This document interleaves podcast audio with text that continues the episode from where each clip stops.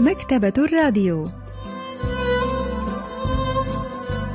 أهلا وسهلا بكم في حلقة جديدة من البرنامج الأسبوعي مكتبة الراديو الذي نستعرض من خلاله كتابا جديدا كل أسبوع.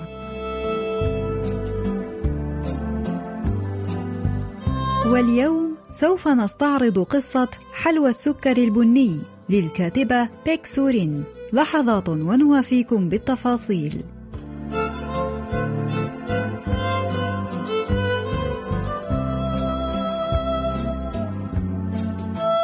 في اليوم الذي ذهبت فيه عائلتي لزيارة قبر جدتي من أجل الذكرى السنوية الرابعة لوفاتها، أخبرني سانغو شقيقي الأصغر بقصة عن جدتي أدهشتني. قال: أختاه، هل تذكرين ذلك الرجل العجوز؟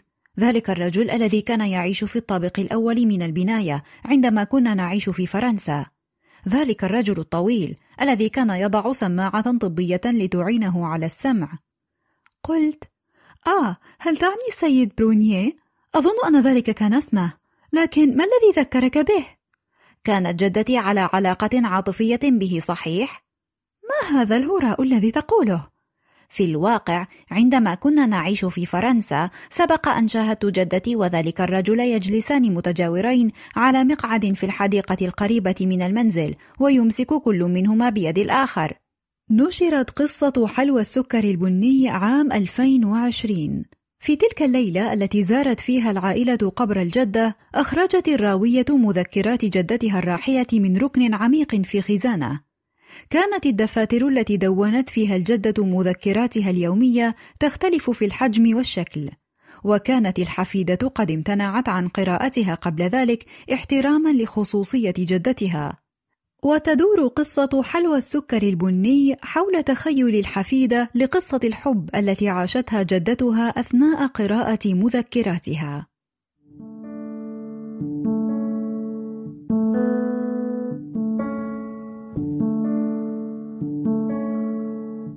كتبت الجدة في مذكراتها: لقد تحررت أخيرا والآن يطلب مني أن أعيش مع ابني أراقب نظرات زوجته باستمرار. أيعقل؟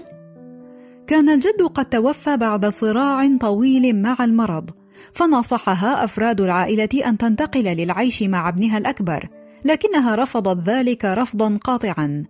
لكن في العام الذي بلغت فيه الراوية الخامسة من عمرها توفيت والدتها التي كانت زوجة ثاني أبناء الجدة إثر حادث مروري.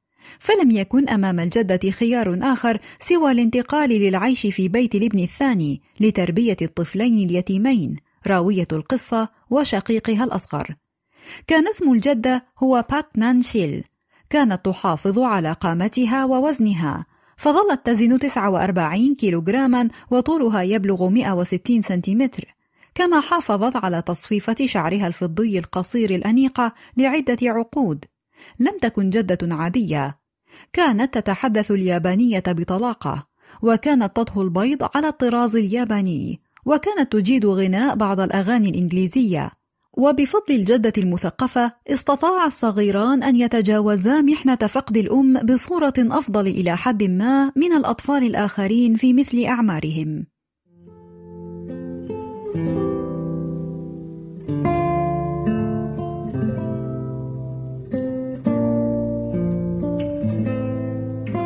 جدتي الابنة الكبرى وسط ستة أبناء وكان والداها يديران متجرا لحياكة الملابس في مدينة ساحلية أثناء فترة الاستعمار الياباني. استطاع الأبناء الستة أن يتلقوا تعليما حديثا محترما بفضل والديهم الذين كانا ملمان بالثقافة الحديثة وكانت أحوالهما المادية مستقرة. لكن الأبناء اكتفوا بالتخرج في المدرسة الثانوية ما عدا جدتي التي أقنعت والديها بإلحاقها بالجامعة. وقد أظهر هذا الأمر جانبا مهما من جوانب شخصيتها. كان هذا هو ما تذكره الناس في جنازتها. قالوا كانت جدتك امرأة عاشت تماما كما كانت تريد. لم أستطع أن أفهم السبب الذي يجعلني أشعر بالضيق كلما تحدث الناس عن جدتي كأنهم يعرفونها جيدا. بالتفكير في الأمر أظن أن ما ضايقني هو أنني شعرت بشيء حاد مستتر بين الكلمات البريئة لتعبير امرأة عاشت تماما كما أرادت. ظل الناس يتحدثون عن ذهابها إلى الجامعة على خلاف شقيقاتها لكنهم لم يذكروا أنها تركت الجامعة حتى قبل اندلاع الحرب الكورية. ما أراه أنا هو أن جدتي كانت تعرف جيدا القاعدة التي كانت تسري في جامعات الفتيات في ذلك الوقت. بأن تترك الطالبة الدراسة إذا تزوجت. ورغم ذلك فقد خضعت لرغبة والديها وواعدت رجلا تعرف أنه سيشعرها بالملل طوال عمرها وتزوجته قبل حتى أن تتم عاما واحدا من الدراسة في الجامعة. هكذا كانت جدتي. عندما بلغت الراوية ثلاثة عشر عاما نقل والدها لمكتب شركته في العاصمة الفرنسية باريس. كان رد فعل الجدة الأول هو الإصرار على البقاء وحدها في كوريا.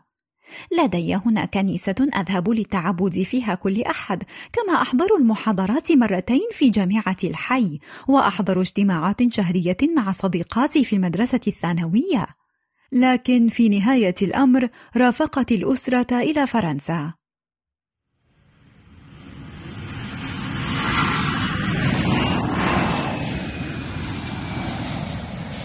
بعد ذهاب الأسرة إلى فرنسا، وجدت الجدة متعة كبيرة في زيارة المعالم الأثرية وتصويرها، مثل قبر شوبان في مونت مارتر وبونت ميرابو، لكن المتعة لم تستمر طويلا، فبعد فترة بسيطة بدأت تشعر بالملل والخوف. تعلمت الراوية وشقيقها اللغة الفرنسية بسرعة، لكن جدتهما لم تستطع ذلك. لم تجد الجدة أي صعوبة في دراسة اللغتين الإنجليزية واليابانية أثناء أيامها كطالبة في المدرسة، لكنها وجدت أن تعلم الفرنسية لم يكن أمرا سهلا بالنسبة إليها.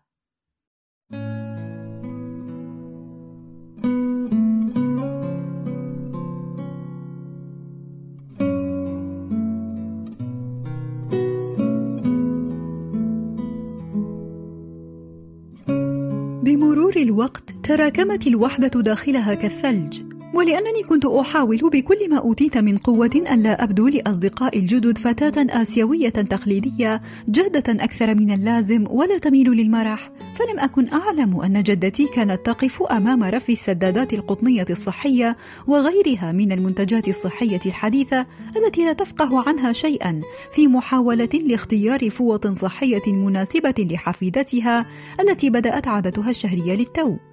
كما لم يخطر ببالي قط أنها كلما عجزت عن احتمال وحدة يومها الطويل وأرادت تبادل الحديث مع شخص ما كانت تذهب عمدا إلى متجر يبيع منتجات الطعام اليابانية كي تتبادل الحديث بيابانيتها الممتازة مع صاحب المتجر الياباني. وأنها كانت تشعر في تلك اللحظات بمزيج من الفخر والإهانة. عاشت الجدة عامين في فرنسا قبل أن تقابل السيد بيرنيه. كانت جدتي قد ملت من البقاء في المنزل طوال اليوم وكانت تستعد لأخذ جولة حول الحي عندما تسمرت فجأة في باحة المنزل. أحدهم كان يعزف البيانو.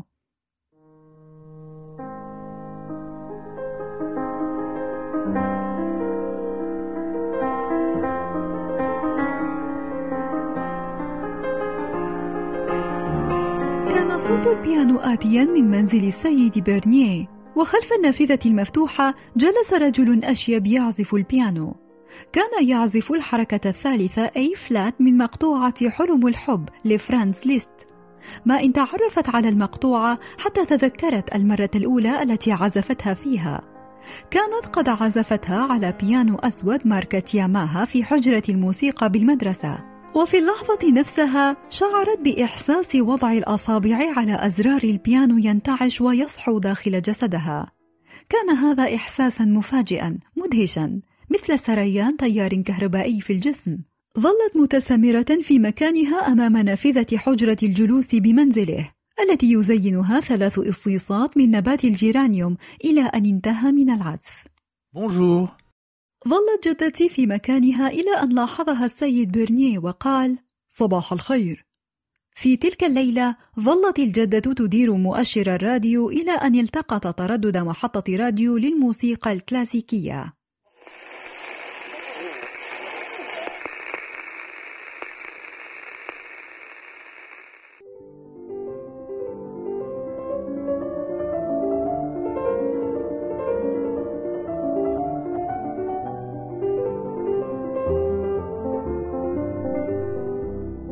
ضبطت الصوت بحيث لا يستيقظ أحد. وحاولت أن تنام وأذنها ملتصقة بالراديو.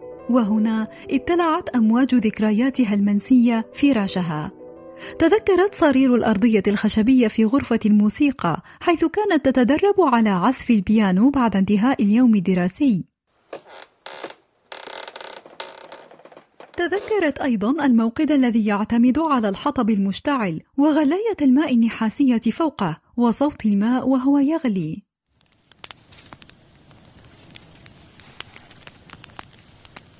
كان المكان خارج غرفة الموسيقى هادئا للغاية. تذكرت أيضا أشعة الغروب الذهبية وهي تغطي أشجار الصنوبر.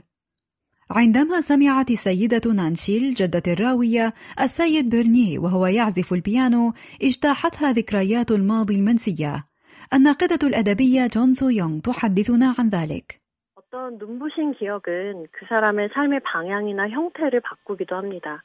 작중 할머니에게도 그런 경험이 있었죠.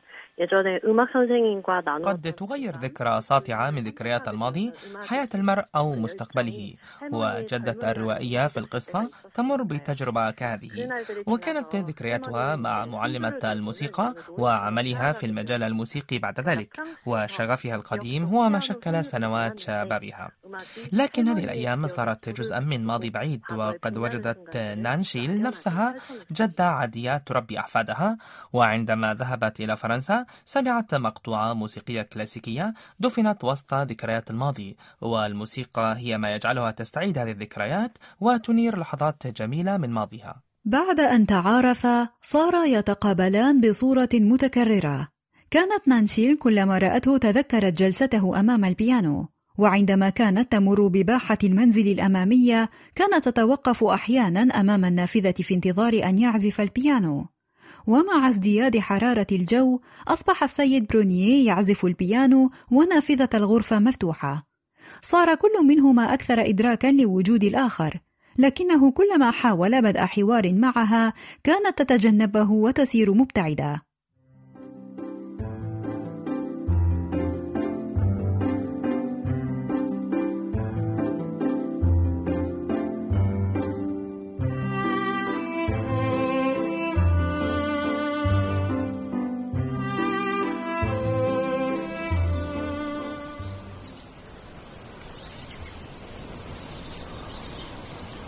عندما توقف المطر أخيرا بعد عشر أيام كاملة ذهبت نانشيل إلى الحديقة كي تحيك وهي تستمع إلى الراديو على جهاز الووكمان الخاص بها.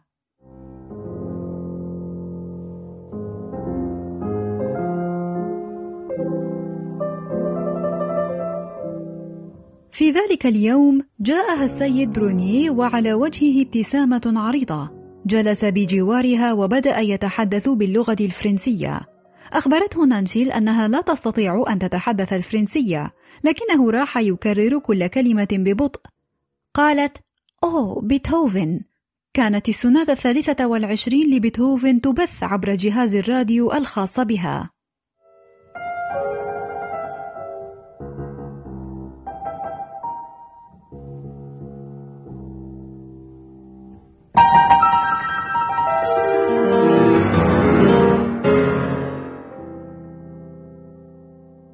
بعد ذلك اللقاء صار كلما تقابلا في الحديقة جلسا جنبا إلى جنب على المقعد.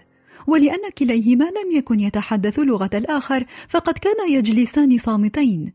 كانت جدتي تشعر بخفقات قلبها كلما استمعت إلى الموسيقى وهي بجوار السيد برونيه لكنها لم تستطع أن تحدد ما إذا كان يخفق لأنها كانت معه أم لأنها كانت تريد أن تعزف على البيانو. ذات يوم استجمعت نانشيل شجاعتها لتسأله هل يمكنني أن أعزف على البيانو الخاص بك؟ لم يكن يفهم اللغة الإنجليزية ولذلك أحضرت قاموسا لتريه كلمة كلمة. فهم ما أرادت أن تقوله أخيرا ودعاها لعزف البيانو. وللمرة الأولى في حياتها زارت منزلا يعيش فيه رجل رجل أجنبي وحيدا. جلست على مقعد البيانو فتحت الغطاء ثم ضغطت الأزرار بأصابعها.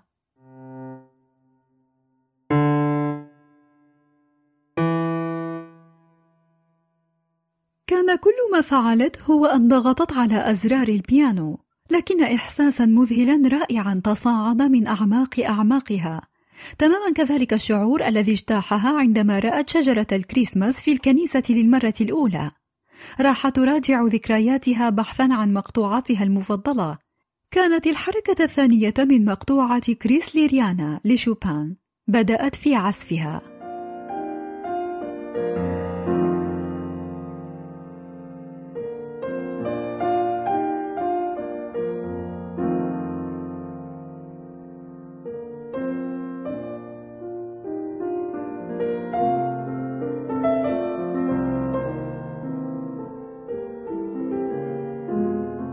استمرارها في العزف حل الدفء والتوقع محل الدهشة والارتباك في عيني الرجل. لكنها كانت قد نسيت وجوده تماما فيما يبدو. في الزمن الذي كان فيه البيانو أو الاستيريو رفاهيات نادرة كانت نانشيل تتعلم عزف البيانو من معلمها بعد انتهاء اليوم الدراسي. وذات يوم أعطاها مفتاح غرفة الموسيقى كي تستمع إلى الموسيقى التي تحب من المسجل الموجود هناك. لم تجرؤ أي من زميلاتها على أن تحلم حتى بالحب. ماذا كانت تريد في تلك الأيام؟ شيئا مميزا شيئا يأخذها إلى عالم مختلف. لم تشك مطلقا أن شيئا رائعا سوف يحدث لها في المستقبل وكانت تؤمن بذلك إيمانا راسخا.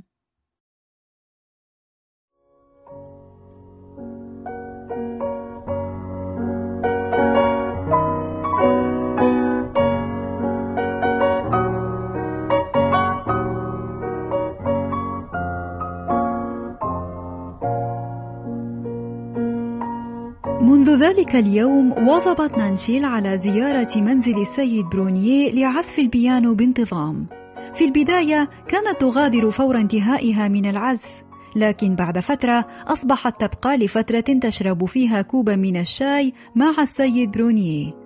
كانت هي لا تتحدث الفرنسية، وكان لا يتحدث الإنجليزية، ولذلك كانا يتقاسمان حواراتهما بالاستعانة بالقاموس.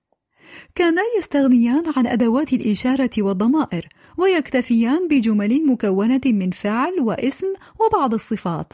ولأنهما كانا ينتقيان الأفعال لجملهما من القاموس فقد كانت كلها أفعالا في الزمن المضارع.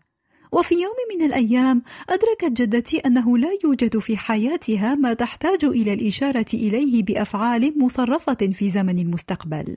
كانت الجدة والسيد برونييه يتجولان معا أحيانا، لكن أغلب أوقاتهما معا كانا يقضياها في سماع موسيقى موتزارت أو باخ أو برامز في غرفة معيشة منزله.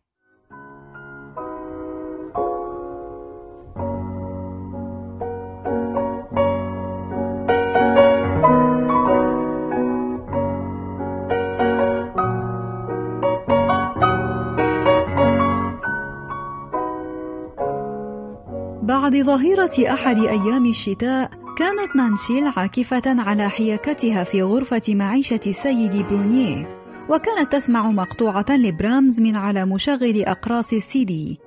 عندما رفعت رأسها رأت السيد برونيه بجوارها يصب اللبن ويضع السكر في أقداح الشاي. لم يعد غريبا بالنسبة إليها. لكنها أدركت في تلك اللحظة أنها لن تفهمه تماما مطلقا. وأنه هو أيضا لن يستطيع أن يفهمها تماما ابدا وقد آلمها ذلك بشدة. عندما كانت جدتي صغيرة كانت تظن أن الكبر يعني أن جسدها وعقلها سيضمحلان بالسرعة نفسها. لكن لابد أنها أدركت أن الشيء الوحيد الذي كان يتدهور كان جسدها فقط. كان هذا الإدراك وراء شكها بأن الله عاقب الناس بأن جعلهم يشيخوا كي يكفروا عن الذنوب التي ارتكبوها طوال حياتهم. عندما توقفت الموسيقى ناداها باسمها كي يوقظها. ما رأته عندما فتحت عينيها كان مجموعة مكومة فوق بعضها من مكعبات السكر على المنضدة. قالت: رائع. أعجبه رد فعلها فسكب بقية مكعبات السكر من الصندوق. كانت مكعبات السكر البني متناثرة على المنضدة تأملتها قليلا قبل أن تضع واحدة في فمها.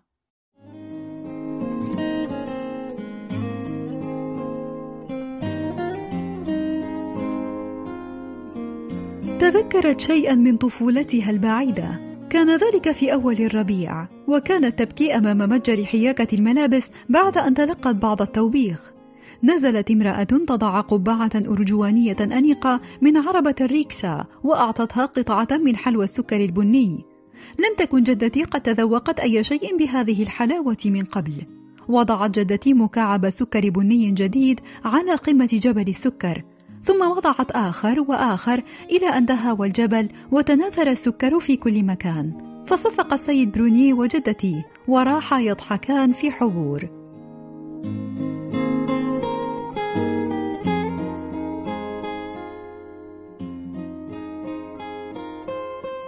بعد مرور عام على صداقتها بالسيد برونيه استدعيت الأسرة إلى كوريا مرة أخرى بشكل مفاجئ.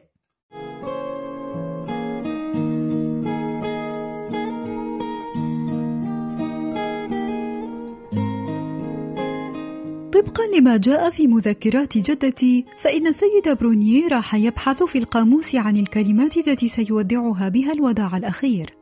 قالت إن الجملة التي قالها كانت مكونة من ضميرين وفعل واحد وهو ما يعني أنني لا أعرف على وجه التحديد ماذا كانت هذه الجملة لكن ترى ماذا كانت هذه الجملة المكونة من ضميرين وفعل واحد البروفيسور بانغ مينو أستاذ الأدب الكوري يجيبنا عن ذلك السؤال 둘이 그렇게 언어가 충분히 نظرا للمشاعر التي ربطت بينهما رغم حاجز اللغة فلا بد أن كلمات الوداع بينهما لن تكون حسنا لقد انتهى الأمر. ولقد كان هذا ممتعا. لا يمكن أن تختزل علاقتهما في جملة واحدة. لكن من الممكن التعبير عنها في ثلاث كلمات معبرة للغاية.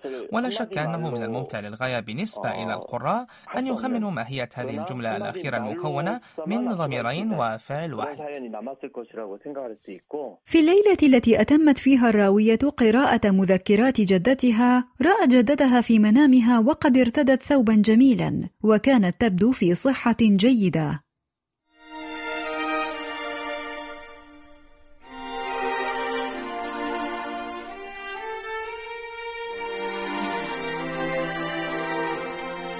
سألتها: ما هذه الرائحة؟ شممت شيئا حلوا عندما ألقيت نفسي بين ذراعيها. لكنني لم أجد أي مكان قد تأتي منه هذه الرائحة وهو ما جعلني أشعر بالقلق. صحت. جدتي انظري إلي. استدارت لتنظر إلي لكنني رأيت أنها قد كورت قبضتها. جدتي افتحي يدك. رحت أتذمر لأنني كنت أعرف أنها ستفعل لي أي شيء أريده إذا بدأت في البكاء. لكن الجدة التي كانت في حلمي قالت بصوت لطيف حازم لا. أحكمت إغلاق قبضتها المكورة أكثر. قالت هذا لي.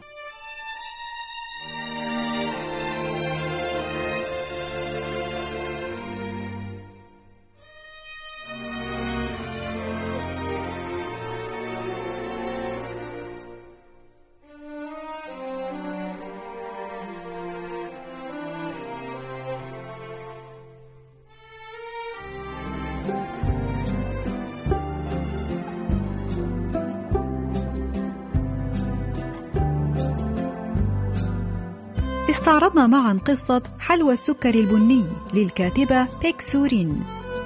وإلى اللقاء في الأسبوع القادم مع كتاب جديد ومبدع جديد.